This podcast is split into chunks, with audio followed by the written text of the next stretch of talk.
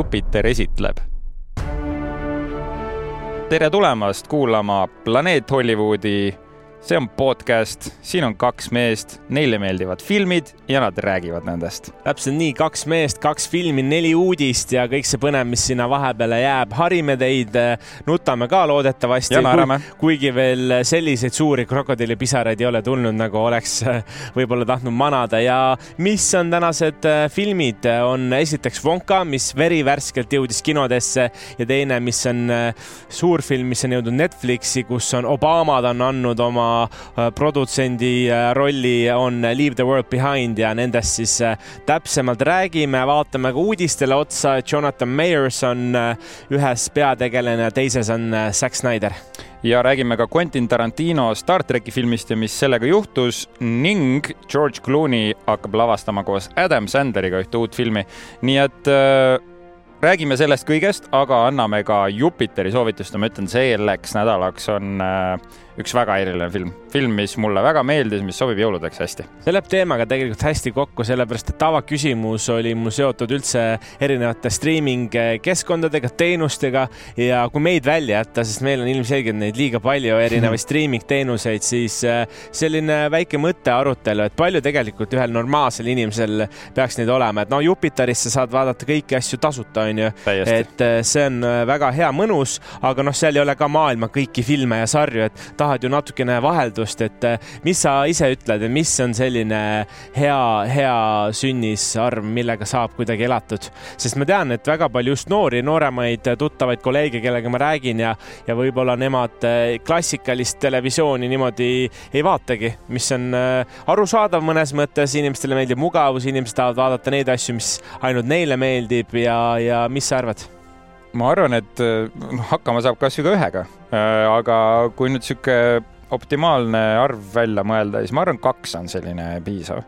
kui sul on kaks äh, nagu makstavat voogedastusteenust lisaks, lisaks Jupiterile, mis on tasuta, siis ma arvan, et saab täitsa kenasti hakkama. see, et sinul ja minul on nagu mingi viis või kuus, noh, see no see võib olla overkill ka veidi. aga mis sa võtaksid, oletame, et sul on nüüd kaks, mis on need kaks, mille sa kindlasti võtaksid? no peale selle, et Jupiter esimesel kohal on, ehk siis teisel ja kolmandal ehm, ma arvan, et ma valiks, no ikkagi Netflix ja Disney oleksid ilmselt need ja,. jah, jah, need kaks suuremat äh, peaksid olema need, ma arvan, et see Amazon oleks ka lähedal mina võtaksin vist Netflixi, aga Crunchyrolli teisena, seal on erinevad äh, Jaapani animatsioonid ja asjad, et et, et kuna sealt seda uut sisu peale viskab ja kuna need on hästi lühikesed ja tabavad, siis, siis ma võib-olla võtaksin selle eeldusega muidugi, et ma ei saa, ma võiks ka kuskilt piraatida või midagi muud äh, teha, on ka leheküljed, kus seda, neid saab vaadata tasuta, aga, aga kui ma mõtlen, et sellise mugavuse ja vaadatavuse mm, -hmm. mida ma vaatan võib-olla ise kõige rohkem, siis need on minu top kaks. sa oled ainus, keda ma olen kuulnud äh, Crunchyrollist rääkimas mm, -hmm. rääkimas, et. keegi ei julge äh, rääkida sellest, ma arvan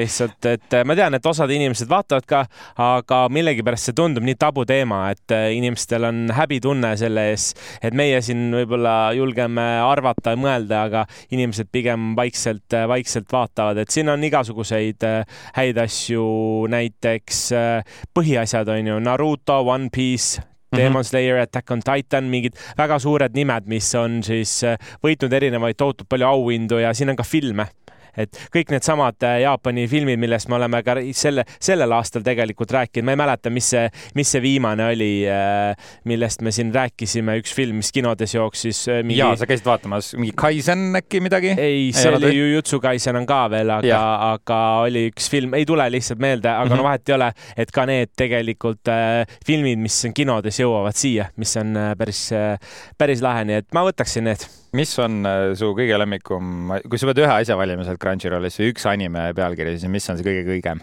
ma arvan, et selline alustav, sissejuhatav päris hea ja mille tätoveering on mul ka siin käe peal, ma arvan, et see ah, ütleb wow. Äh, tegelikult kõik, on äh, Demon Slayer, nii et kui keegi tahab siseneda sinna maailma, tahab midagi visuaalset ja loolist võimast vaadata ja mis on ka auhindu võitnud samamoodi, siis ma arvan, et Demon Slayer, miks mitte kui keegi tahab äh, näha seda Andri tätoveeringut, siis tuleb võib-olla seda Jupiteri instat jälgida ja äkki Andri seal no, selle nädala postituses näitab ka selle, selle ette, nii et stay tuned aga muideks Hollywoodis neid, kes on just Jaapani animatsiooni armastavad, on päris palju mm -hmm. ja, ja on suured režissöörid, Jordan Hill mitte Jordan Peele, aga kes see näitleja on, kes mängis ka Creed, Creed'i uues lavastas ah,? Äh, mis ta on nüüd? Michael B Jordan. Michael B Jordan, tema on äh, üks väga suuri fänne ja, ja kes tema tahab erinevaid asju äh, nii-öelda sisselooliselt alati tuua ja ta tõi ka. Creed'is. Creed'is ta ja. tegi ka seda, nii et, et on maailma mõistes rohkem, Eesti mõistes vähem aga lähme siit väikesest diskussiooninurgast edasi siis äh, nurka, kes teab, see teab, kus võtame ühe filmi ajaloo fakti, harime teid, harime ennast ja, ja kui teadsite, olete supertublid, kui ei teadnud, siis äh, saamegi midagi uut teada. Ja film, mis on legendaarne, Titanic, mida on vaadatud tõenäoliselt rohkem kui üks kord, nutetud rohkem kui üks kord ja, ja ma tean, et iga aasta inimesed ikkagi võtavad ette, on see siis äh, siin jõuluvaheajal, on see uue aasta alguses, aga noh, seda vaadata vaadatakse küll. mina isiklikult ei ole päris äh, selline fänn, kes iga aasta vaataks mm, -hmm. aga ma olen ka mõned korrad näinud ja ma kätt otseselt ette ei pane ja James Cameron on saanud ju sealt oma kõige suurema sellise ma ei tea, tõuke, ma ütleks. no see oli jah, esimene film, millega ta vallutas siis kõikide edetabelite tipu, eks ole. ja siiamaani on ta. kolmas film, kui ma nüüd ei eksi. jah, ta on ja. top kolmes kindlasti olemas, aga see asi, mille peale mina mõtlesin, kui ma seda filmi vaatasin, on üks legendaarne tseen, kus Leonardo DiCaprio on siis, on äh, Kate Winsleti siis joonistamas üles seal ja, ja paljudel võib-olla tekkis küsimus või mõte, et huvitav, et kes selle siis maali või selle sketši seal, see on maal, see oli mm -hmm. sketš on ju, kes selle sketši sinna tegi no väga lihtne, ei teinud seda Leonardo DiCaprio, vaid James Cameron ise, kes oligi siis Kate Winsletile öelnud, kes mängib seal Rose'i muidugi onju, lihtsalt ütlen igaks juhuks selle ka ära, oli öelnud, et palun anna mõned pildid, kus sa oled bikiinides ja, ja siis ta seal natukene kritseldas ja tegi ja, ja siis ta kasutas seda kui selliseks algpunktiks, mis sinna filmi jäi, nii et ei palganud ta eraldi seal hullu mingit joonistajat, ei lasknud tal Leonardol teha mm, -hmm. vaid mhm. tegi ise ja ma juba mõtlesin, et kuhu see lugu läheb, et ta küsis, et Kate Winslet saadaks talle või et noh, et režissöör tahtis ise ju seda naisnäitlejat joonistada. et siit tuleb juba midagi probleemset, aga see mm, ja, sest no James Cameron on multitalent ja tõesti kõik need maailmad, mis ta on oma ulmefilmides loonud ka, ta on ise hästi mm -hmm. palju selle äh, kunstilise poolega seotud olnud, nii et äh, hämmastav ikka, kui kaugele on üks rekkajuht oma karjääris jõudnud ja, ja väga, väga äge fakt äh, Titanicu kohta. sellepärast, et see oli asi, mida ma mõtlesin ka siis, kui ma kunagi vaatasin ja täna leidsin sellele vastuse ja olin no väga lahe. see annab filmile mulle veel kuidagi rohkem juurde, kui ma tean, et, et režissöör ise on käed külge pannud ja teinud midagi, mis on küll kaadri mõttes väike, see on ainult hetk, aga mm -hmm. filmi ajaloos igavene. absoluutselt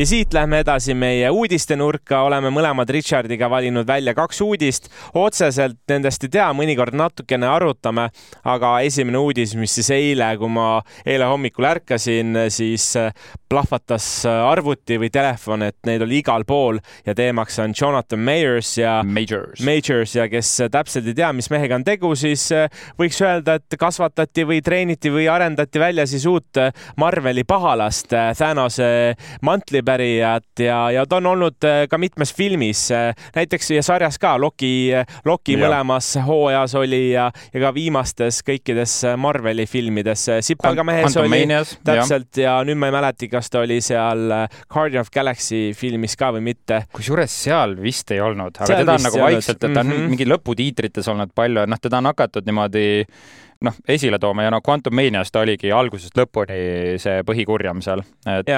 et teda me oleme juba näoga näinud ja olime ka ausalt öeldes, kui ma alguses nägin teda, siis ta on ka Creed, Creed kolmes äh, mänginud nii naljaks, aga alguses ta mulle kuidagi ei meeldinud ja nüüd ajaga ta on täit-, täitsa nagu meeldima hakanud, minu arust lahe, lahe näitleja, aga nüüd tuligi see uudis välja, et mees on tegelikult ta lahti lastud ja üldse kõrvaldatud siis Marveli kogu universumist ja, ja põhjus on tegelikult lihtne, sellepärast et et tuli süüdimõistev otsus eh, põhimõtteliselt ahistamise kallaletungi eh, osas eh, naiste, naisterahva suunas ja Marvel on selles suhtes võtnud väga kindla käe, et, et see on juba ära tehtud, et seda meest me tõenäoliselt enam, või no enam mitte kunagi ei näe. ja ma soovitan seda artiklit lugeda, kes tahab rohkem teada, sest Hollywood Reporteril oli väga täpselt lahti seletatud, mis ta tegi, mille eest ta süüdi mõisteti ja, ja see on, see on ikkagi selles mõttes äh, häbiväärne, eks ole, me ei hakka siin seisukohta võtma, aga kui on selline süüdimõistev otsus, noh siis ma arvan, Marvelil ja Disneyl ei, ei olegi mingit muud äh,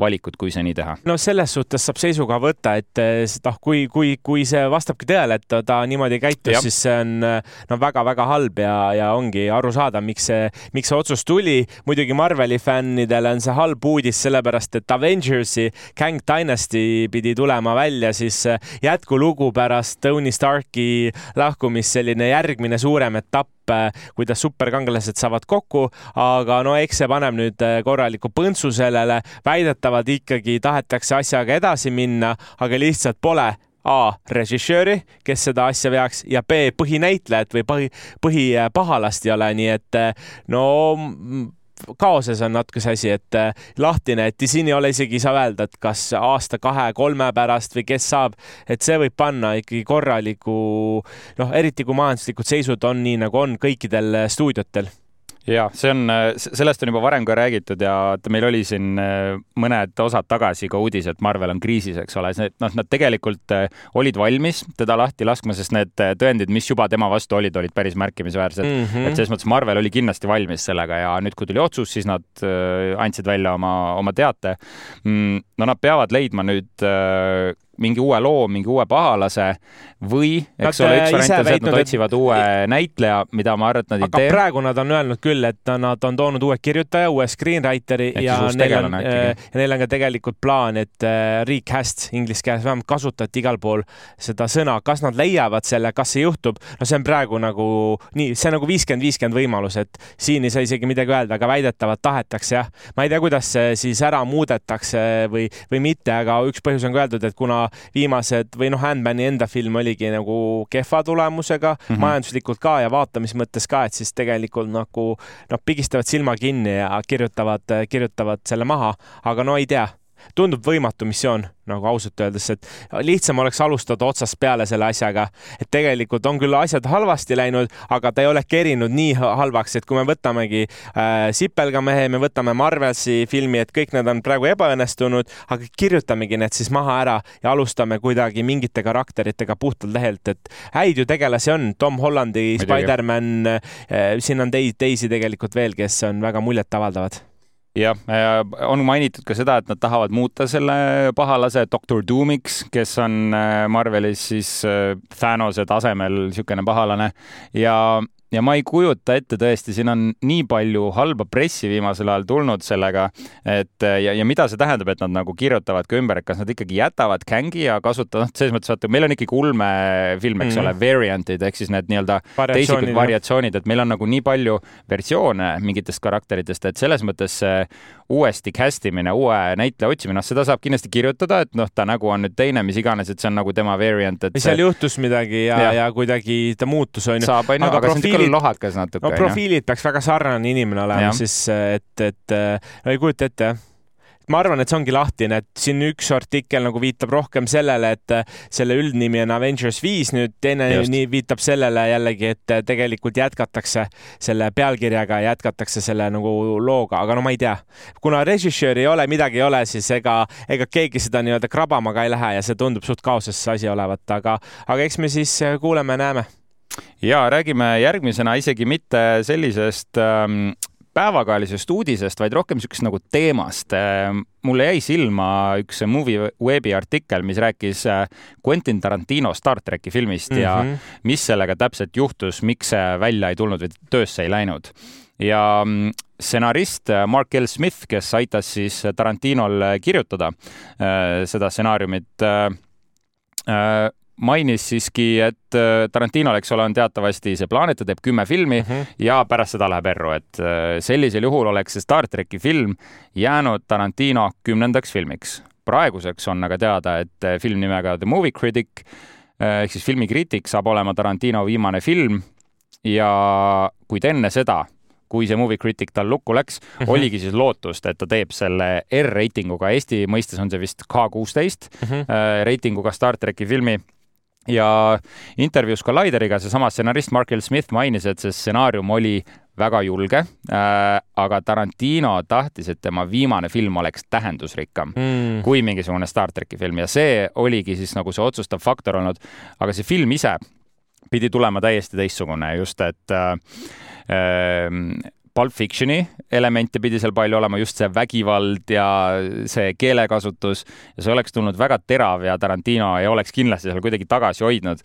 ja see stsenaarium on endiselt olemas, see on selle stsenaristi laua peal, aga ta ütles ka seda, et ilma Quentin Tarantinota sellest filmi tegema ei hakka no väga väg... aus tegelikult või väga selline austusväärne, et ta ütleb, et ilma temata edasi ei lähe. muidugi tema versiooni oleks tahtnud näha, kui me oleme Kill Billi näiteks äh, näinud, siis äh, juba visuaalselt äh, väga võimekas see võiks olla ja, ja siit see tekitab ka palju küsimusi, et no oled sa mõnda Star tracki filmi, neid uuemaid näiteks? olen küll äh, näinud jah, mul, kuna ma ei ole kunagi suur fänn olnud, siis ma ütlen, noh, kehitan õlgu ja ütlen, et jah, midagi nagu oli mm. -hmm. kas mul on midagi seal väga meeles, mis see lugu oli, mis seal toimus? ta oli lõbus selline kosmose politsei tagaajamislugu minu jaoks mm, -hmm. need viimased, ma ei mm, -hmm. ma ei mhm. räägi nendest vanadest, et yeah. neid vanu näinud ei ole, aga need viimased olid lõbusad sellised aga mm, -hmm. aga suudaksid sa ette kujutada just, et noh, siin tekibki nii palju küsimusi, et äh, kas näiteks võtame needsamad Chris Pine'i äh,, Captain Kirki ja Zoe Saldana, Uhura, et kas Tarantino stiil, noh, et meil on kolm eelnevat filmi juba väga kindla stiiliga mm, -hmm. nüüd oleks olnud täielik äh, sada kaheksakümmend kraadi ja ma oleks täiesti teistsuguse loo saanud, et huvitav, kuidas ta nagu oleks sobinud sinna? no tõenäoliselt mitte mm, -hmm. tõenäoliselt ei oleks, aga võib-olla oleks vastupidi, oleks ta hästi selline suursugune ja lahe olnud ja lõpetanud kuidagi selle kolmanda osa nagu ära, et võib-olla võib-olla nad äh, oleks tahtnud jätkata, ma ei tea, aga, aga kui ühe osana, lõpuosana, siis võib-olla oleks sobinud. jah, ja see paneb ka mõtlema selle peale, et äh, kas Tarantino tuleb kunagi tagasi, eks ole, kui ta on oma kümme filmi ära teinud, võib-olla on erus mingisugune viis kuni kümme aastat, et kas ta äkki tuleb kunagi tagasi veel, sest et no mees ma, ma on nagu ikka legendaarne ei saa aru, miks see peaks äh, tulema, ma saan ja. aru, et ta on selle reegli pannud, aga mm -hmm. mulle mhm. juba tundub, et ta nagu väga noh ta proovib leida neid kõrvalviise, kuidas sellest nagu minna kõrvalt, et äh, tal oli see, äh, mis tal oli see, mingi dokumentaalfilm oli Aa, ka, kus oli. Äh, mida ta ei lugenud sinna kümne hulka. mida ta ei lugenud, aga mille ta tegi, tegelikult tegi ja noh, see juba läheb selliseks, et äkki hakkab sarju tegema, siis ma ei tea, filme ei tee, teeb sarju, et noh miks mitte? ja, ja tal oli vist minu teada need Grindhouse'i kaks filmi, mis tal on tehtud, ta neid luges ka ühe filmina, et nad mm. nagu jääd, jääksid justkui selle kümne filmi hulka, et äh, mina arvan ka, et ta lõpuks ei suuda enam vastu panna, võib tagasi tulla ja ma ütlen ausalt, et äh, mulle meeldib Star Wars äh, palju rohkem kui Star track, aga need uued Star tracki filmid on väga erilise koha mu südames leidnud ja need on tõesti hästi tehtud. et ma väga-väga loodan, et Tarantino kunagi tuleb selle juurde tagasi. aga mida ma veel rohkem loodan, on see, et see Star tracki frantsiis, mis praegu paika on pandud, just mm -hmm. need uued näitlejad ja äh, karakterid, kes seal on, et see jätkuks, et just see Chris Pine'i veetud uh, cast siis ilma Tarantinotagi jätkaks seda lugu, sest et see on ka frantsiis, et nüüd natuke läheb võib-olla teemast kõrvale, aga see on ka frantsiis, mis on jäänud justkui nagu seisma, et räägitakse, et tuleb uus film, aga siis jälle kaob see ära, et vahepeal Chris Hemsworth näiteks mm -hmm. pidi sinna tagasi tulema, aga kahjuks on ka see ära kukkunud. nii et äh, selline väike pilguheit äh, siis, äh, milline oleks võinud olla Quentin Tarantino Star tracki film aga üks film, mille üle ei pea üldse spekuleerima, mis on juba väljas äh, Netflixis ja Rebel Moon on nimi ja muidugi oleks võinud ka sellest võtta ja teha eraldi täiesti arvustuse, aga kuna järgmine osa on selline aastalõpu eri ja, ja ei taha seda kaugesse tulevikku jätta, siis äh, mõtlesin, et loen hoopis uudiseid selle kohta ja natuke saame sinuga siin rääkida. Zack Zack äh, Snyder, äh, kes on filmi režissöör, kes on tegelikult meile tuntud juba siis äh, superkanglaste maailmast varasemalt. DC universumis on ta teinud näiteks Justice League'i. Ja, ja Õigluse liigat siis ta vedas ja ma tean, et tema selline direktori lõige viimasest Justice League'ist on, on neljatunnine, neljatunnine on väga fännide poolt armastatud ja, ja tegelikult tal on väga hea käekiri ja ta on tegelikult tahtnudki siis äh, Netflixiga lüüa käed teha see Rebel Mooni esimene osa ära ja luua tegelikult kogu siis äh, äh Snyderverse on selle asja nimi mm, -hmm. et mhm. luua oma universum, kus tegelased ringi käivad. ja teinud veel siukseid filme nagu kolmsada, Watchmen mm, -hmm. äh, ja Dawn of the Dead minu teada oli tema, et selles mõttes nagu režissöör, kellel on äh, väga head filmid hõlma all, aga kes on ka niisuguseid nagu möödaastumisi teinud, näiteks Sucker Punch ei olnud film, mis mm -hmm. väga mhm. peale läks. aga, aga see oli väga huvitav uudis, mille sa tõid ja ütle tegelikult, mis see asja point nüüd on, et miks me Rebel Moonist räägime ja me räägime seda sellepärast, et kriitikud on võtnud selle ikkagi tohutult halvasti vastu ja, ja kui äh, võiks nüüd loota, et mis see, mis see sisu on või, või kus see möödarääkimine ongi, siis ongi see, et visuaalselt väga võimas film, aga tegelikult sisuliselt üsna tühi ja paraku paljud fännid on ka kaasa tulnud, ma vaatasin Rotten Tomatoes oli siis kakskümmend kolm protsenti, mis on ikka no allapoole arvestust äh, ja, ja sellele pandi, see oli üks, ma ütleks, Netflixi aasta oodatumaid filme, meie Kindlasti. oleme ka siin juba sellest ja. tegelikult ju korduvalt rääkinud, et äh, ta on suursugune, äh, selline action ulmefilm, mis räägib kosmosest ja, ja, ja kogu, kogu sellest poolest, nii et oleks võinud ka olla sellise Star Warsilik Just. või, või, või noh, valeks öelda järelkäija, aga kõrvalkäija, luuagi oma universumi, teha seal ringi no ta pidigi olema algselt äh, siis Zack Snyderi Star Warsi film, mida ta ka pitch'is Disneyle ja Lucasfilmile. see lükati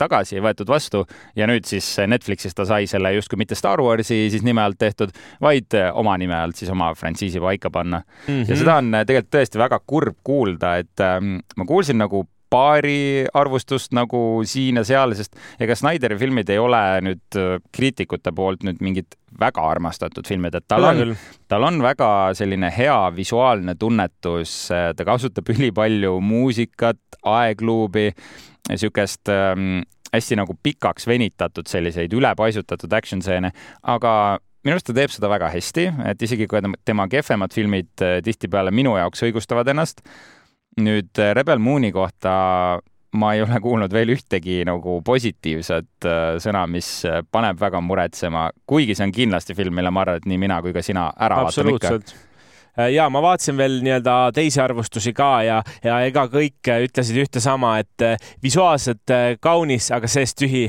nii et paneb, paneb natuke muretsema ja kahju, et esimesed artiklid on ka juba sellest, et tõenäoliselt Netflix ei ole nõus minema nii suurte investeeringutega edasi, et see pidi olema see projekt, mis kuidagi kinnitab jalga ja, ja läheb hästi, et mul on tunne, et me oleme jõudnud kuhugi maailma, et, et enam nii lihtne ei ole, et iga hea ilus projekt ei ole see, mis on kohe edukas ka, kuna konkurents on tohutult suur, kuna, kuna inimesed ootavad tegelikult äh, väga selgelt mingit lugu ja, ja mitte ainult sellist visuaalset naudingut, siis, äh, siis tuleb leida lihtsalt see balanss kahe vahel. Ja, ja noh, minu meelest, äh, mis me rääkisime, Godzilla Minus One tõestas seda ja. väga hästi. See on ka huvitav, et see film on, eks ole, Netflixis ja striimingus, see tal vist on mõned kinoseansid USA-s, aga üldiselt ta kinofilm ei ole, et Netflixis ma olen üsna kindel, et see film jõuab mm -hmm. top kolme kindlasti, kui mitte top äh, ühe koha peale, isegi kui need review'd ei ole väga head. sest kui sa vaatad neid Netflixi enim vaadatud filme ka, need mingid Adam Sandleri Murder Mystery'd, eks ole, need on, no, no okei, okei, no see, aga samamoodi selles mõttes kriitikute yeah, poolt täiesti maha materdatud, onju, ja need äh, teevad edetabelites nagu tegusi. selles mõttes see võib olla film, mis kvaliteedis kannatab päris korralikult aga Netflixi jaoks on see ikkagi väga kasulik projekt no nüüd oh,, eks ole, aeg jah. näitab, kui ta tõesti, kui kasulik on ju. et no kui ta nüüd nagu täielikult välja tuleb, siis film tuleb tegelikult reedel ametlikult välja. Äh, praegu on ainult kriitikutele mingisugused varased mm -hmm. screening ud tehtud, et äh, kuidas ta tõesti siis äh, tavainimesele ja see kaheosaline teine osa peaks aprillis tulema, üheksateist mm -hmm. aprill, nii et eks me siis näeme, kindlasti inimesed vaatavad ära ja loodetavasti meie leiame ka sealt midagi, mis on ikkagi kiitust ja vaatamist väärt aga jätkame ühe ka Netflixi projektiga, mis äh, õige pea töösse on minemas ja George Clooney hakkab lavastama filmi peaosas Adam Sandleriga väga huvitav kombo üldse. ja kas see on mingi uus trend sinu arvates ka, et äh, kõik tahavad nüüd režissöörid olla mingid äh, sellised tuntud näitlejad, et varem on ka, ma olen pannud tähele, aga mitte nii suures mahus, et kas see striimingute tulek on andnud sellistele meestele, näiteks nagu George Clooney võimaluse ise režissöör olla? no George Clooney jaoks ei ole see kindlasti esimene kord ja ma ütleks, et see ei ole uus trend, sest näitlejad on ikka aeg-ajalt eh, tahtnud ise ka lavastaja toolis olla mm. -hmm. Kui sa vaatad tagasi, noh, ma ei tea, viie, kuuekümnendate, seitsmekümnendate peale, siis sa leiad sealt ka neid. Äh, kindlasti noh, ei ole see tore trend siis, kui iga näitleja tahab midagi teha ja mm -hmm. sellega läbi kukub no,. kindlasti tahab ta midagi teha, aga kas talle antakse? jah, jah, aga George Clooney, ma arvan, et on juba piisavalt selline veterani staatuses ähm, siis Hollywoodi suurkuju mm, -hmm. kes äh, no kes on mingil määral tõestanud ennast, minu arust ta lavastas ühe väga hea Amazon Prime'i filmi, mille nimi oli The Tender Bar. Äh, ben Affleck mängis peaosas seal võtab sõbrad kõik sinna punti ja teeb ära asja. jah, jah, ja ta on ja, ja tal on tõesti päris mitu filmi juba hõlma all, aga mis selle uudise veel eriliseks teeb, on see, et äh, see film, mida ta lavastama hakkab, on kirjutatud äh, Noah Baumbachi poolt ja Noah Baumbach on siis mees, kes on teinud varasemalt Netflixile juba kolm filmi. Nendeks on White Noise, The Marriage, Marriage Story ja The Meyerowitz Stories. Noah Baumbach on siis Greta Gerwigi abikaasa, elukaaslane ja koos nad kirjutasid ka Barbi filmi. Mm.. nii et äh, see on äh, stsenarist, kelle filmid on esiteks väga emotsionaalsed, väga sellised targalt kirjutatud ja tihti ka sürreaalsed. et kui nüüd vaadata George Clooney lavastatud filme, siis tal on seal minu teada ka üks selline natuke ulmeelementidega film, et kui siit tuleb midagi sellist natuke sürreaalset ja teistsugust, siis no see võib midagi väga erilist olla, sest Adam Sandler ei ole ka no ütleme, Adam Sandler on väga huvitav näitleja, kes aeg-ajalt teeb, äh, mis see oli, mingi Halloween, Hubi või sarnaseid filme, mis on äh, noh, ma ei tea, IMDB-s alla viie punkti minu teada ja siis teeb vahepeal siukse filmi nagu Hustle või uh, uh, You are not so invited to my bat mitzvah, mis mm -hmm. on mhm. olnud tõesti meeletult head filmid, et Adam Sandler on ka selline kohati teeb midagi väga head, kohati paneb täiesti pange, aga kui need kolm meest kokku panna no siis äh, sealt võib tõesti midagi väga ägedat tulla. Äh, filmi loo kohta veel midagi teada ei ole aga ma ennustan, et see film saab mingisuguse Oscari nominatsiooni ikka. sest kui sa vaatad Noah Baumbachi filme, siis äh, no kasvõi see Marriage Story, mis oli tema vist eelviimane Netflixi film, see sai kuus Oscari nominatsiooni, kaasa arvatud ka parima filmi oma. nii et ütleme nii, et ootused on suured aga ilmselt peame natuke ootama, aga lahe, et selline uudis juba välja tuli ja kusjuures niisuguseid näitlejate ja režissööride uudiseid tuleb praegu äh, nagu noh, vohinal, vuhinal tuleb peale mm, -hmm. sest et noh, streik on läbi ja, ja lahe on vaadata, et äh, on asju, millest rääkida see teeb ainult rõõmu ja rõõmu teevad ka järgmised filmid, nii et lähme uude sektsiooni Nädala nael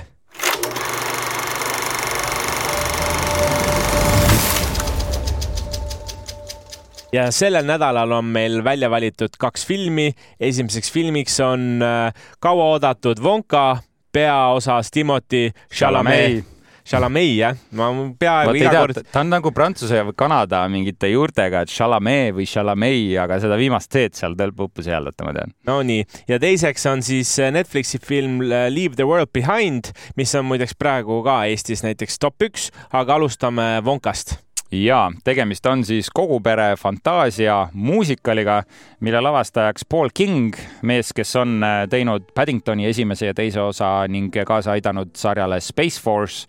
nagu sa mainisid ära juba, Timothy Chalamet selles filmis teevad kaasa veel Olivia Colman, Keegan Michael Key, Hugh Grant ja paljud teised ning see film, nagu ka pealkiri ütleb, on Willy Wonka lugu ja Willy Wonka eellugu, kus me näeme, kuidas siis noor unistust mhm. täis mm, -hmm. unistusi täis noormees proovib äh, linna tuua oma ema pärandatud maagilist šokoladiretsepti ning äh, pakkuda neile maagilisi ja unustamatuid kogemusi, aga seal linnas on ees juba kolm kommitegijat ja nad on moodustanud kartelli, kes võtavad kohe eesmärgiks Wonka nende turult eemale hoida aga Willy Wonka sõbruneb hostelis teiste õnneotsijatega ning koos otsustavad nad siis sellele kartellile no koha kätte näidata ja ikkagi panna oma äri õitsema. ja kui me oleme näinud neid Willy Wonka filme varasemalt, siis noh, Billy Wilder ja Johnny Depp on teda varasemalt mänginud, no mm -hmm. ilmselt äh, enamus inimesi just mäletavad seda Johnny Deppi versiooni. jah, sest selle, see on kõige värskem, kas oli äkki kaks tuhat viis või midagi just. sellist ja teine oli seitsekümmend üks äkki,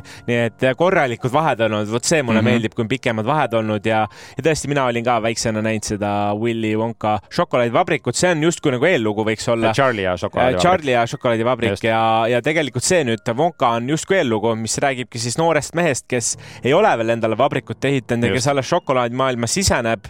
ja ma ei tea, ma, kas lähme arvustuse juurde kohe üle, et tahaks, tahaks mingeid mõtteid öelda, kuidas sulle mulje jäi, üldine mulje?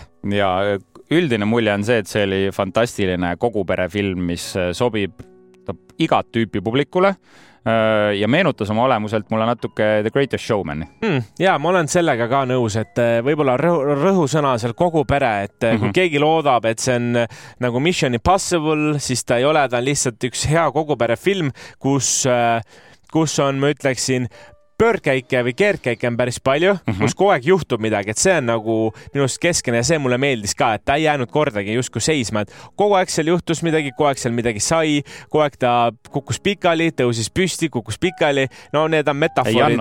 ta ei andnud alla, et sellist elutervet optimismi oli temast nii palju ja see kuidagi sütitas äh, väga ja muidugi kogu see, ma ütleksin, võtt nagu meeskond ja, ja kuidas nad ka seda šokolaadimaagiat edasi andsid, et see oli, see oli võimas juba ka visuaalselt ja, ja loo mõttes hästi intrigeeriv. ja see film ju algab ka, eks ole, põhimõtteliselt kohe ühe muusikalise numbriga, mis on eh, väga huvitav fakt, sest seda filmi turundati kui mitte muusikali. see on jah, kus ma tahtsin jõuda, et võib-olla, mis on see miinuspool, ruttu hüppan sinna. see on miinus sinu jaoks? see on ja see on suur miinus, sellepärast et justkui jäeti mulje teisest filmist, mind ei häirinud, et seal muusikalised asjad olid mm -hmm. vahel, aga sellest jah, tõesti väga ei räägitud, et palju tehakse seal kinos oli see esma see, et kas see on hea või halb.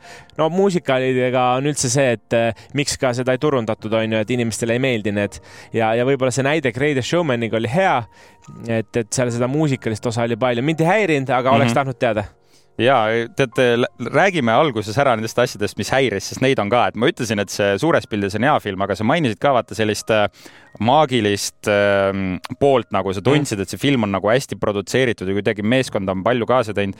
et üks minu nagu suurimaid äh, kriitikakohti oli, oli see, et ma tundsin, et see film oli kohati nagu üleprodutseeritud ja, ja mis ma selle all mõtlen, et äh, ma saan aru, et see on äh, nagu lastele ja kogu pere film, et seal peab olema palju niisugust maagiat ja lendlemist, aga kohati oli see niisugune nagu füüsikaseaduste eiramine natuke, sellega oli nagu veidi liiga kaugele mindud ja kuidagi nagu kasutati seda arvutiefekti, näiteks noh, Wonka oli ühes stseenis, no põhimõtteliselt võttis nagu vihmavarjust kinni ja siis tuli niimoodi alla nagu füüsikaseadusi, eks ole, eirates. see oli tehtud kuidagi, noh, sa said aru, et seal ei olnud isegi need äh, mitte trossid, vaid see oli puhtalt CGI mm. -hmm ja oli ka kohti, kus äh, karakterid, äh, kes rääkisid, näiteks Keegan Michael, Keegan Michael Keen, ähm, mees siis, kes on tuntud kui Key and Peele'i üks komöödia tandemeid. Minu arust ma ei ole kindel, kui hästi ta laulab, aga niipea, kui ta lõpetas rääkimise ja hakkas laulma, siis oli nii hästi tunda, et see ei olnud enam tema hääl või et see tuli kuskilt stuudiost. et äh, selliseid nagu üleminekukohti, mis on täiesti normaalne, et need ei olegi otse laivis sisse lauldud, aga ma sain nendest erinevustest aru kuidagi ja kohati niisugune natuke liiga selline ülepaisutatud visuaalne stiil, et ma, ma sain nagu aru, et see seal nagu praktilisust on natuke vähe hästi palju on niisugust äh, rohelist ekraani kasutatud. ma arvan, et siin äh, on lihtsalt see, et meie vaatame seda nii detailselt, et äh, ma, ma saan aru, millest sa väga hästi mm -hmm. räägid, ma tundsin ka seda, aga, aga tegelikult ongi see, et ma arvan, et siin on, kui vaatab seda nooremad, vaatavad lapsed, noh, nemad ei saa midagi aru. ma arvan, täiskasvanud ka ei pruugi, pruugi seda aru saada, aga, aga oli küll seal just võib-olla selles, et kui visuaalselt oli ilus, aga inglise keeles set disain mm, -hmm. ta tundus nii nagu kuidagi noh, natuke kõik oli liiga hea, et tõsi olla ka mm, -hmm. et võib-olla see nagu häiris ja nagu sa ütlesid ka, seal mingid asjad olid ebaloogilised, et äh, kui seal üks beebi, mis äh, leiti ja lasti sellest äh, pesušaftist alla, et noh, siis see oli kuidagi, jättis südamesse ka sellise väikse mõlgi sisse, aga, aga, aga ma mõtlen, mis veel oli, mis mulle sealt just ei meeldinud, sest lihtsam mm. on kuidagi rääkida nendest asjast, mis meeldisid võib-olla, võib-olla see, et filmis ei olnud aega ka väga palju seda seletada, aga need kõrvaltegelased, kes olid. aa, tõesti või? ma olen just kusjuures vastu. ma just mõtlen, et tahaks nagu rohkem teada veel mingit mm. lugu, et kuidagi nagu kõrvaltegelased olid, ta natuke näitas küll ära, aga, aga lihtsalt, mis need motiivid veel olid, mis on see, ma toon ühe näite, näiteks see politseiniku motiiv, okei okay., seal oli šokolaad võrdlus nagu raha, et ta tahtis ja. seda saada, aga kuidagi nagu oleks veel tahtnud näha, et võib-olla mina oleks seda sügavust otsinud, aga ma arvan, et see ongi juba see, et igaüks otsib seda, mida ta ta kõige rohkem sealt mm -hmm. nagu endale tahab, et äh, ta lihtsalt nagu tervikuna oli väga soliidne film. Äh, hea, ma arvan, et lihtsalt see Timothy peaosas sobis väga hästi, kui ka Üli kunagi hästi. taheti, kas oligi Tom Holland või tema, tema võitis, onju Nad mida... oleks mõlemad muidugi head olnud. Nad oleks mõlemad muidugi head olnud ja, ja aga lihtsalt tema kuidagi roll oli hea ja, ja üldse sellise eelloona ma ütleksin küll, et rusikas silmaauk, et tahaks nagu nüüd edasi näha, mis sellest saab, et kas võetakse ka järgmine osa ette, seal põhimõtteliselt ju potentsiaali jäi, et teha seda ja, ja ma ei, ma ei tea, ma väga palju ei oskagi öelda, aga mõned faktid veel juurde, et, et Timothy ise ütles, et nad sõid seal võttel nii palju šokolaadi, et tal oli ikka, ta oksendas mitu korda lihtsalt šokolaadi ainult välja.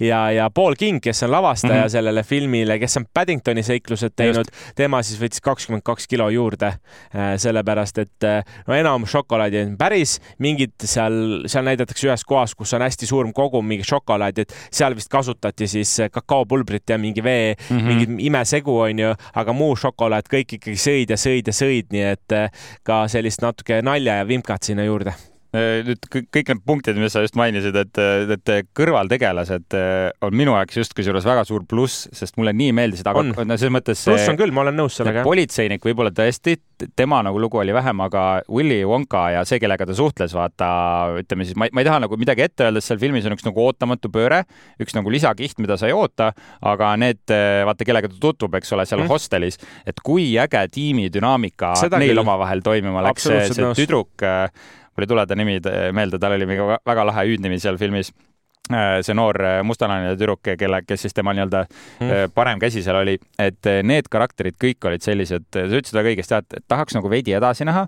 aga ma ei ole kindel, kas nad nagu lähevad selle looga edasi, kas nad nagu frantsiisisid teevad, sest et Timothy Chalamet ise on ka öelnud, et ta, no ta pigem väga valikuliselt äh, võtab rolle vastu ja ta ei ole mm -hmm. tahtnud Marveli ega DC filmides kaasa teha. see, et ta Dune'is praegu kaasa teeb, noh, see on nagu suur erand tema jaoks, et äh, see on ka natuke selline äh, kuidagi autori ulmefilm või jah, ei ole selline Marveli frantsiis, et niisugune natuke mm -hmm. nagu tõsisem teema. et uh, huvitav saab olema vaadata jah, et mis edasi saab, sest film on praegu juba päris korralikku kassatulu teinud ja kindlasti õigustab seda, et ta kinno jõudis ja ma arvan, et ta summa summarumilt teenib äh, ilusti ära ja see on see projekt, mis pigem õnnestub. ja, ja, ja Timothy Chalamet osas ka, et äh, ma, ma arvan, et ma ei suudaks ette kujutada paremat temast, ütleme lähedal teisel kohal, noh, Tom Holland oleks super valik olnud, aga ta, ta tõesti, Timothy oli kaasakiskuv, energiline, tal oli see karismaatilisus olemas ja selline nagu mänguline, kuidagi maagiline olek, selline hea tuju. ja see on nii hästi tuleb läbi siin filmis.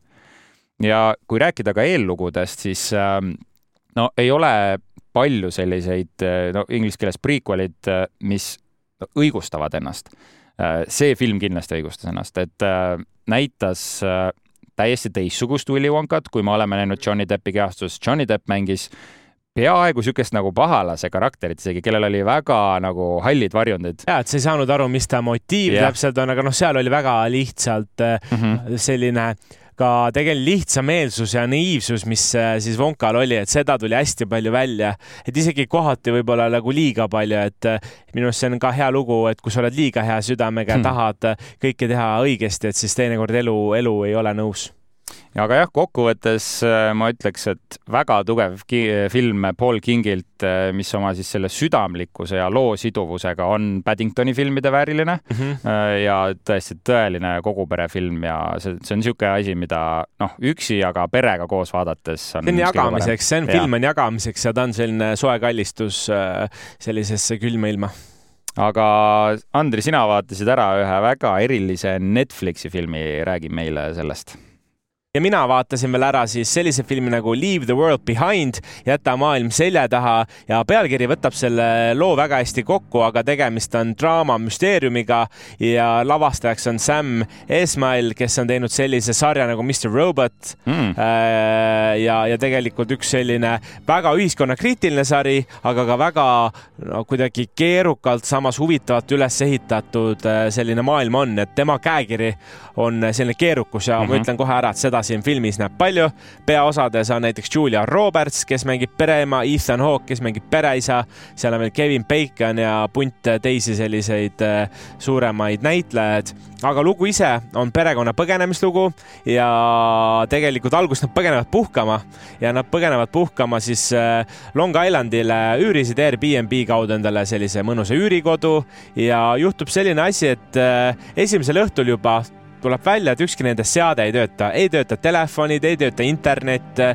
vaatavad, et nagu veidike, veidike imelik on. Ja järsku ilmuvad ukse taha kaks inimest, mees ja naine, kes väidavad kas see on äh, tõde või mitte, peab ise igaüks vaatama, aga nad väidavad, nad on äh, tegelikult äh, selle maja omanikud. Ja kuna nad hakkasid muretsema, igal pool ongi siis kuidagi elekter ära, nagu saad aru, et mingi midagi toimub, aga, aga täpselt ei saa aru, mida, siis siis nad ütlevad, nad tahavad sinna majja jääda. Mm -hmm. ja, ja põhimõtteliselt lugu on sellest, et kuidas kõige paremini ellu jääda. Ja tegelikult ma ütleks, selline madal küpsetav, grilliv selline film see on. Vot, see on selline kokkuvõte filmist. millest on raske rääkida. millest on selles suhtes raske rääkida, et ma, kui ma liiga palju ütlen, siis ma räägin võib-olla sisu ära mm, -hmm. aga, aga tahaks ka väga lõpust näiteks rääkida, siis ma ütleks, selle filmi lõpp on üks koht või üks nagu osa sellest, mis on saanud kõige, kõige rohkem siis sellist kriitikat, kriitikat mm. -hmm. aga ma rohkem ei ütle midagi, selle jaoks peate ise vaatama, aga põnevad faktid on veel see, et, et tegelikult miks see on saanud nii palju kõlapinda üldse maailmas, kuna tegelikult Michelle ja Barack Obama on mõlemad äh, produtsendid selles filmis, siis äh, vandenõuteoreetikud ikkagi arvavad, et see on konkreetselt äh, vihje sellele, mis saama hakkab ja hoiatus. ja ma võin nii palju, võin küll sellest filmist rääkida veel, et et jah, see filmi nagu põhi, see on ikkagi, kuidas jääda ellu sellisel ajastul, kui meil päriselt nüüd üks hetk äh, internet ja levi kaob ära. et nagu kuidas me, kus me saame süüa, kus me saame juua, kuidas on inimsuhted näiteks naabrite vahel, et kuidas see hakkab mõjutama ja ma ütleksin, et ta on väga hea nagu psühholoogiaõpik ja mm, -hmm. ja tõesti äh,, kuigi selle hinne ma vaatasin, on selline kuskil kuus koma viis, kuus koma kuus oli mm, IMDB-s okay., aga mina annaksin küll talle julgelt rohkem just sellepärast, et et äh, tegelikult äh, sellist äh, mõnusat vaatamist lihtsalt niimoodi, et sa ei tea, just selline ühiskonnakriitilisus, need pöörded seal, noh, see, see mulle väga meeldis, et ma saan aru, et eh, kuna, kuna see lõpp oli nagu oli, siis, eh, siis see on ka minu võib-olla kriitika, aga kui siia nüüd teha teine osa otsa või jätkata seda lugu, siis on kõik fine. praegu võib-olla ei tunne, et ta on nagu poolik, eh, et ta ei jõudnud nagu sinna, kus ta oleks võinud jõuda ja, ja tegevust võib-olla ei olnud nii palju, kui võib-olla keegi oleks tahtnud, et seal ei olnud metsikult action stseene, seal mm -hmm. ei olnud mhm. metsikult ka sellist, et nüüd ma ei tea, üks vend lööb teise inimese maha pigem oli seal sellist psühholoogilist äh, pinge kruttimist, pinge, pinge kruttimist ja sa kunagi ei saanud aru, kes on hea, kes on mm -hmm. halb, nagu see segadus, mis mind valdas terve filmi ajal, ma, ma nautisin seda see on väga, see seletad nagu mingit M. Night Shyamalani filmi, kui ma mõtlen selle, mis see oli, millest me rääkisime, Cabinet äh,, Cabinet, Nokkete Cabin, eks ole, et seal ka nagu mingisugune maailmalõpu teema, sa ei tea, mis on tõsi, kuidagi mm -hmm. nagu see on hea võrdlus, see on hea võrdlus tegelikult äh, e, lihtsalt, mis on eri, selle filmiga on hea võrrelda mm, -hmm. mis on erinevus, et see nagu ehitus on laiem, et ta ei toimu ühes majas ja kui seal oli see, et tulid mingid inimesed, kes tahtsid kedagi kohe nagu ja, ära, ära tappa, et ta ei olnud võib-olla nii nagu kriminaalne, kriminaalselt selge ka mm, -hmm. et äh, pigem sellist müsteeriumit, et kui keegi ütleb, mis on mingi müsteeriumfilm, siis see on müsteeriumi selline hea, hea, ma arvan, film.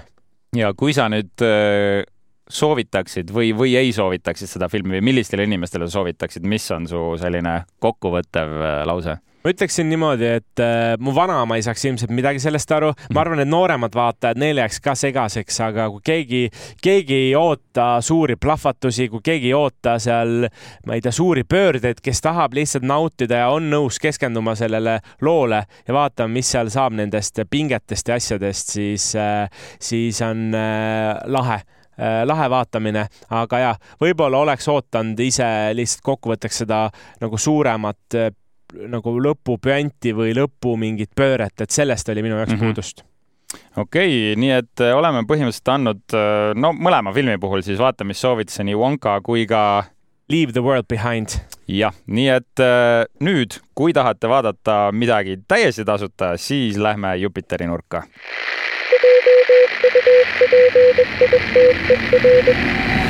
ja Jupiteris saab siis vaadata või noh, kes üldse ei tea, mis see Jupiter sihuke on, kui lähed jupiter.err.ee lehele, siis see on ERR-i voogedastusplatvorm, mis hõlmab endast kõike head, mis ERR-il pakkuda on, raadiosaateid, telesaateid, välismaiseid sarju, filme, klassikaid, uuemaid filme. Ja täna tahakski soovitada ühte uut äh, Prantsuse ja Kanada filmi, mille pealkirjaks on Unistust püüdes.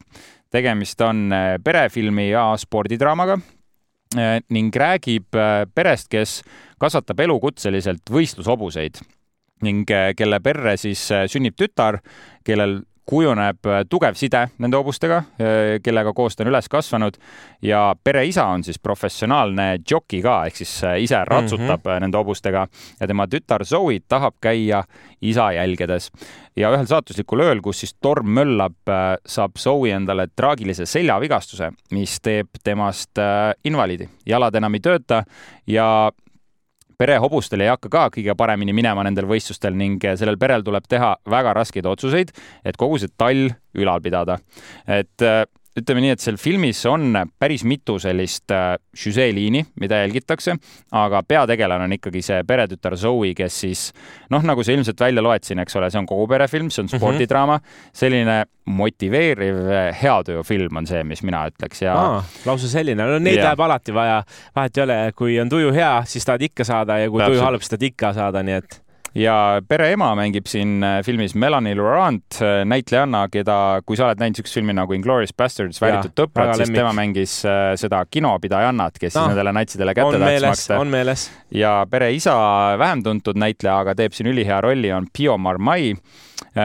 Zoe't mängib Carmen Kassovits ja siis seda nii-öelda talli tegelikku omanikku, kes siis on nii-öelda see suur rikkur, kes siis rahastab neid, on Hollywoodi näitleja Danny Houston ja noh, ma ütleks, et see ei ole täiesti tüüpiline selline spordifilm, mida võib-olla ootaks, kui seda filmi treilerit ära vaatad, et siin on, siin on palju klišeesid, kuid äh, minu arust need on väga maitsekalt äh, lahendatud ja selle filmi peategelased ka annavad endast, no ma ütleks parima, eriti seesama Melanie -hmm. Laurent, keda ma mainisin ja, aga ka pereisa, see Pio Marmani ja loomulikult see peretütar, et see noh, nagu esikolmik teevad mm -hmm. fantastilise rolli ja siin on ka üks väga äge kõrvaltegelane, Seebi nimeline mees, kes on siis seal talli abiline, kes on äh, justkui nagu kergelt sellise autistliku spektrumiga, aga kes sa saadki aru, et kellel on nagu loomadega ülitugev side, et kui ta nagu muidu on natuke selline nagu eemalehoidev ja veider, siis kui ta loomadega tegeleb, siis on nagu noh, sa näed kuidagi, kuidas see inimene ellu ärkab.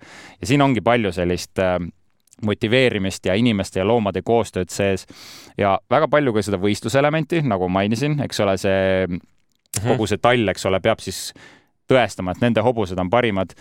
ja see ei ole jõulufilm, aga see on täpselt selline film, mis sobib ideaalselt äh, jõuludeks äh, vaatamiseks. Äh, minu jaoks oli ta ka pisarakiskuja. ütleme, filmi lõpp on ähm, kulmineeruv ütleme siis võib-olla, võib-olla kindlama lõpuga kui, kui see Netflixi film, mida sa mainisid mm, -hmm. aga nii, küsi. aga ei, ma mõtlesingi, et kas see film on ainult sellistele loomasõprade jaoks või, või tegelikult see kuidagi puudutab kõiki, sest vaata, ma saan aru, et tegelikult kõrvaltegelased on ju needsamad äh, hobused, onju. no jah ja.. et, et neil on ka suur roll, et kas seal on sellist äh, naudingut ka neile, kes võib-olla noh, vaata, ongi nagu muusikafilmid, on mm -hmm. spordifilmid, siis on, äh, ma ei tea, loomadega seotud filmid kas see läheb kuidagi kõigile peale või, või pigem mitte, mis sa arvad? no loomavihkajatele ma seda filmi ei, ei no, soovita. ma ei mõtelnud päris seda, aga ja ei, ma saan aru, äh, ma ütleks, et äh, pigem on see rohkem sellistele loomainimestele jah, et see ratsutamine. kaheksakümmend viis protsenti maailmast tegelikult niikuinii, et, et paljudele ikkagi meeldivad need filmid. aga, aga siin on ikkagi see perelugu ka tähtis, et noh, ma ütleks, et ta nagu võiks sobida kõigile, aga seal on väga tugevalt seda loomade mm. poolt sees ja ja kuna see film ise on Kanada ja Prantsuse koostööfilm, siis äh, mul oli ka endal teatud eelarvamused, noh, et kas see film visuaalselt välja kannab, äh, kuidas see lugu üldse välja kannab, siis äh, võiks öelda, et see film on noh, Hollywoodi siis eelarvega tehtud film mm. -hmm. tõesti väga ilusad kaadrid ja väga kaasakiskuvad ratsutamisstseenid, nii et ütleks, et minu viimase aja Jupiteri lemmikfilme no väga hea, nii et tugev soovitus on antud. päris korralik valik meil sellel nädalal ka filmidest ja tundub, et aasta lõpp, aga filme tuleb ikka juurde ja ei ole kuskilt otsast ka maandumas. meil järgmine nädal on selline film nagu Aquaman. räägime põgusalt sellest, aga tegelikult keskendume aasta sellistele parimatele filmidele, ka halvimatele filmidele kindlasti teeme need kokkuvõtted ja võib-olla jätaks uudised vahele mm, -hmm. keskenduks siis äh, rohkem sellele Aquamanile ja, ja teistele headele parematele asjadele teeme jah, niisuguse eriosa ja ma arvan, et ärme isegi pikkuse osas ka endale mingeid piire pane. kaks teeme, tundi. teeme kasvõi kaks tundi, et teeme sellise ägeda kokkuvõtva osa. tasub kuulata, sellepärast et räägime seal põnevat uut infot, mida te varem kindlasti kuulnud ei ole, nii et tuleb lihtsalt järgmine nädal see podcast ette võtta ja kuuleme-näeme teid juba järgmisel kolmapäeval ja aitäh, Andri, sulle, et rääkisid minuga filmidest. ja aitäh sulle ja kohtume juba taas